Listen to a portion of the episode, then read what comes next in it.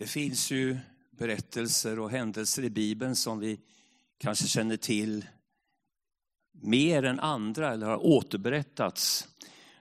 Och ett sådant tillfälle är när Jesus kommer till en stad som heter Sykar. Inte långt från den mark som Jakob eh, gav sin son Josef. Där fanns Jakobs källa. Jesus som var trött efter vandringen satte sig ner vid källan. Det var mitt på dagen. En samarisk kvinna kom för att hämta vatten. Jesus sade till henne, ge mig något att dricka. Samariskan sade, hur kan du som är jude be mig om vatten? Jag är en samarisk kvinna. Jesus svarade henne, om du visste vad Gud har att ge och vem det är som säger till dig, ge mig något att dricka. Då skulle du ha bett honom och han skulle ha gett dig levande vatten. Jesus svarade, den som dricker av det här vattnet blir törstig igen. Men den som dricker av det vatten jag ger honom blir aldrig mer törstig. Det vatten jag ger är en källa i honom med ett flöde som ger evigt liv. Kvinnan sade till honom, Herre, ge mig det vattnet så att jag aldrig blir törstig och behöver gå hit efter vatten. Det här är Johannes fjärde kapitel, fragment. Läs gärna hela avsnittet. Tack Herre för ditt ord som är levande och verksamt. Låt det gå ner i mitt och våra hjärtan till omvändelse, sinnesändring, en förnyad kärlek till dig, till bröder och systrar och ett ännu mer ömt hjärta för en värld som är trasig och ropar efter hopp och hjälp. I Jesu namn. Amen. Han måste ta vägen genom Samarien. Samarien var ett område som judarna inte ville passera. Finns det sådana där omöjliga områden? Om vi skulle sitta och samtala vid kyrkkaffet, kanske det finns missionärer eller du har varit med och vinkat av missionärer och sjungit Tänk när släkt och vänner. Kanske man skulle höra att förr fanns det områden som var omöjliga. Även i Sverige, det är ett hårt fält, det är ett svårt fält. Och så har jag tänkt så här, tänk om alla hade tänkt så. Men det fanns de som gick emot strömmen. Vet du att den som går mot strömmen vet vart han eller hon går? Mot källan. Eller som någon sa, följ inte kompisen, följ kompassen. Att gå dit ingen annan vill gå. Och så bröt de ny mark och gjorde det möjligt att sen kunna fortsätta med att sprida evangelium. Finns det områden i Sverige eller i vår närhet som vi kanske tänker, nej, vart som helst men inte dit. Jesus väljer aldrig den enkla vägen vänner. Vet du vilken väg han väljer? Den nödvändiga vägen. Varför då? Jo, för hans mål är att nå ditt och mitt hjärta. Våra barnbarns hjärta, våra ungdomars, våra äldre, de som har fått smak på tron och de som ännu inte har fått det. Han går den väg som är nödvändig. Han måste ta vägen genom Samarien. Amen. Och vet du, han var trött av sin vandring. Vilken Gud vi har. Gud är helig. Han kommer aldrig sänka sin standard. Vi kanske tänker, nu lever vi 2023, ja. Det är trea på slutet. Det är andra tider och vi kanske tänker, kanske budskapet ändå har ändrats. Men vänner, Guds ord kommer aldrig förändras. Himmel och jord må brinna. Men, men Herrens luften och Guds ord kommer att stå kvar. Han är helig, men tänk att han är så mänsklig. Så när Jesus kommer så är ju Jesus både Gud och människa. 100 procent Gud, 100 procent människa. Och han är så mänsklig så att han var trött av sin vandring och han var törstig. Vad skönt. Vilken mästare vi har som förstår. Har du varit trött och törstig? Ja, det har vi alla varit. Och vi har en Gud som förstår oss. Han hade kunnat bara ropat så hade det kommit änglar med vatten i silverbägare. Men vet du, Han väljer den svåra, den långa vägen, den nödvändiga vägen vänner. Och frågan är om jag som nästan kan säga är född i kyrkan, kanske du också min vän. Sen har vi vänner som är nya i tron eller som kanske funderar på vad är min väg när det gäller tron. Men det är väldigt viktigt vänner idag, som det ser ut i världen och även i vårt land, att vi tar och sätter värde på det Jesus har gjort. För han har betalat ett högt pris. Det är därför gåvan, frälsningens gåva är gratis för dig och mig. För priset är betalt på korset. Han var trött av sin vandring. Nu kommer en kvinna där och ska hämta vatten mitt på dagen. Solen stod, säger man i senit. Mitt på dagen. Det var så varmt förstår ni. Jag brukar säga att det bästa med solen är skuggan.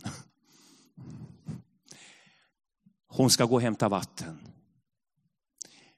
Åh, vi har hela Vättern, vilken rikedom vänner. Hemma har vi Hjälmaren. Den är inte lika djup, men vi får vatten därifrån. Men vattnet från Vättern, vilken rikedom. Vatten är livsviktigt, det vet vi. Hon ska hämta vatten och så tänker hon så här, jag går mitt på dagen, ingen annan ute på byn, för jag vill inte träffa någon. Det är så jobbigt, de går över på andra sidan gatan eller de, de vänder bort blicken. Jag skäms. Tänk att vi som människor, det här att gå omkring och skämmas, vinklippta, eh, liksom eh, bakbundna på något sätt av vad människor tycker eller den bild vi själva har av oss. De här självbilderna. Men nu fanns det ett grundproblem i den här kvinnans liv. Du vet, det finns ett grundproblem i allas våra liv. Och Bibeln talar om ett ord som vi inte kanske säger, det är ju bibliskt, men vi säger det men kanske inte så ofta, men det är ordet synd. Det är grundproblemet i våra liv. Men vet du vad vi också har? Vi har ett grundbehov. Det är att få bli hela, få uppleva frid, få bli liksom läkta här inne, det som skaver. Att vi får salva från himlen, det är den längtan vi bär på.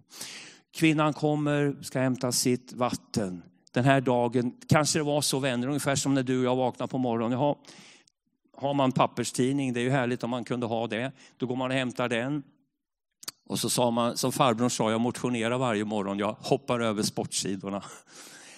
Och så kokar man sitt kaffe, ja kokkaffe det är också eh, K-märkning i dubbel mening. Och så vet man att grannen kommer ställa samma fråga i brevlådan. Och jobbar jag, då är det samma kommentar på lunchrummet när du har med din den här eh, aluminiumboxen med kanske makaroner. Jaha, är det samma meny idag? Och så har man samma kommentarer. Man nästan vet ibland hur dagen ska bli. Och hon tänkte så här, jag går och hämtar vatten, skyndar mig hem, låser dörren och gör mina hushållssysslor. Trodde hon. Det var vad hon trodde. Och när du och jag tror att det bara ska bli som alltid och undret kommer väl aldrig ske i mitt liv. Det är en sån dag då det kan ske. En helt vanlig dag. Bussen kommer, bussen går. Varje dag i samma spår. Och när hon kommer till brunnen den här dagen, älskade vänner, så ser hon att det sitter en man där. Och en judisk man. Bara det var hennes häpnadsväckande. Och sen att han tilltalar henne. Och som någon har sagt, där andra skulle ha mött kvinnan med en skopa ovett, så ber han henne om en skopa vatten. Här har vi en lektion i hur vi kan möta människor. Ge mig något att dricka. Han ber henne om vatten. Det är så oreligiöst. Gud är inte religiös. Gud är helig. Och han söker ditt och mitt hjärta. Han är inte beroende av ritualer, ceremonier, traditioner. Med det vill jag säga traditioner som bygger upp och håller samman. Det finns mycket som är fint, det är inte det på det sättet. Men det som skymmer Kristus, det som blir påbyggnader, det ska vi se upp med. För han vill ha vårt hjärta. Vi är snart i mål vänner. Så kommer ett samtal igång om källan, om brunnen där. Men du vet att Jesus han stannar aldrig vid ytan. Religionen stannar vid ytan. Det är därför det är så jobbigt att man måste putsa på sin egen fasad. Och jag inser nu när man har fyllt, vad blir det, 60, 65. Att jag kommer ju inte hinna putsa klart. Inte ens med det bästa sandpapper. Jesus kom för att han klättrar ner till oss. Och han ser den här, när han ser den här kvinnan och det här samtalet så leds det sakta men säkert in till en brännpunkt. För när de har talat om vattnet och kvinnan säger, Herre ge mig det vattnet så jag inte behöver gå hit igen. Hon var ju praktisk, hon tänkte jag behöver aldrig gå hit och hämta vatten. Nu klarar jag allt där hemma, behöver inte träffa människor. Men vet du, då säger han plötsligt så här i kapitlet, gå och hämta din man. Alltså, vilken personlig, vilken utmanande fråga. Men då säger hon, jag har ingen man. Och Jesus sa det, du har rätt när du säger att du inte har någon man. Fem män har du haft och den du nu har är inte din man. Där talade du sanning. Vilken genomlysning. Tydligen hade hon haft bekymmer med relationer med män. Hon kanske hade en felaktig självbild. Hon kände sig bar på en skuld och en känsla av att jag måste gömma mig. Och du vet redan i första Mosebok, visst är det märkligt, när Gud har skapat himmel och jord och trädgården är som finast. Och så bryter de mot den enda regeln att inte äta av det där trädet och de går och gömmer sig. Så Gud får ropa, var är du? Och sen dess har vi brottats med detta. Att gömma oss, att hålla en fasad, kapsla in det här som skaver. Och så säger de, fem män har du haft, säger Jesus. Och den man du har är inte din. De kanske bara tillfälligt hade träffats eller flyttat ihop. Men så säger någon i ett sammanhang, jag tyckte det var så fascinerande. Vet du, fem och så den sjätte mannen. Jesus, han blir den sjunde mannen. Och sju är fullkomliga talet i Bibeln. Alltså det är så fantastiskt vänner. Jesus är den sjunde mannen. Det är han som möter hennes djupaste problem vänner. Ditt och mitt djupaste problem kan inga relationer lösa. Vi behöver varandra och vi behöver kärlek och omsorg, att någon ser mig. Men det djupaste tomrummet och ensamheten vänner, det kan bara Jesus fylla. Och det står i Saltaren, bara hos Gud har min själ sin ro. Och ändå jagar vi för att hitta tröst, ersättningar och en stund någonting som dämpar vår ensamhet, ångest och oro. Han blir den sjunde mannen. Han avslöjar hennes liv. Men vet du vad han gör? Religionen hade sagt så här, jaha, vad är det för standard på ditt liv? Du får nog jobba lite till. Vet du vad han säger? Han kommer med nåd. Evangelium är sanning om att det är något som har gått sönder i mitt liv. Att synden har förstört och brutit ner. Men det finns nåd och förlåtelse. Det är goda nyheter. Och så står det så här. Kvinnan lät sin vattenkruka stå. Jaha, var inte vattnet viktigt? Jo, men just då, och det här är så intressant vänner, det finns många bra saker i vårt liv. Som eh, allt från att springa en joggingrunda, man kan gå korta promenader också, eh, eller till att eh, gå ut i skogen eller man har vanor och tradition, eller, som är bra. Men vet du, det kan vara att även det som är bra, någon gång i livet möter vi utmaningen för det som är ännu viktigare. Just nu var det viktigaste i kvinnans liv Jesusmötet. Så vattenkrukan och disken och långkoket fick vänta. För det fanns kvar sen. Men Jesus var där. Nu går hon in i stan, det här är uppseendeväckande. Hon går in i stan och säger, jag har träffat en som har sagt mig allt. Hela staden, vänner, kommer i rörelse av en kvinna med lite eh, tvivelaktigt omdiskuterat livssituation. Hon blir, tala om världens kortaste evangelistkurs, hon blir ju evangelist nästan. De kommer i rörelse staden. Och sen blir det så, kan ni tänka er samariterna och judarna som inte hade kontakt med varandra. De kommer till Jesus och ber att han ska stanna kvar. Och han stannar kvar två dagar. De ville ha honom kvar. Och det blev väckelse. Man förlängde mötesserien två dagar. Har ni vänner? Det är dags att den religiösa ytan spricker. Prestationen. Utan Utan Jesus så har vi ingen framtid, inget hopp. Vi kan inte själva prestera fram kristet liv eller vi kan göra det goda gärningar. Men vänner, den här kvinnans liv, det var sprickor i hennes liv. Och Jesus möter henne precis där hon är. Och den här dagen, evangelium går ut här ständigt i denna lokal och i den här staden och bygden. Och idag också. Och idag kan du och jag på nytt få öppna vårt hjärta för Jesus. Och det där som skaver, det vi känner att vi skäms för, eller som gick sönder, som inte blev som vi hade hoppats. Vi kanske har suttit i kyrkbänken åravis och bara väntat på genombrottet. Samma dag idag igen. Men vet du, tänk att idag är frälsningens dag. Idag är nådens tid. Nådens tid är begränsad, men nåden är gränslös.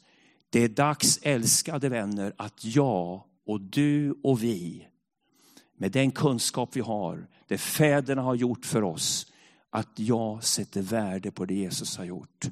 För det är många här ute som väntar på att vi ska gå dit. Men vi behöver ett Jesusmöte.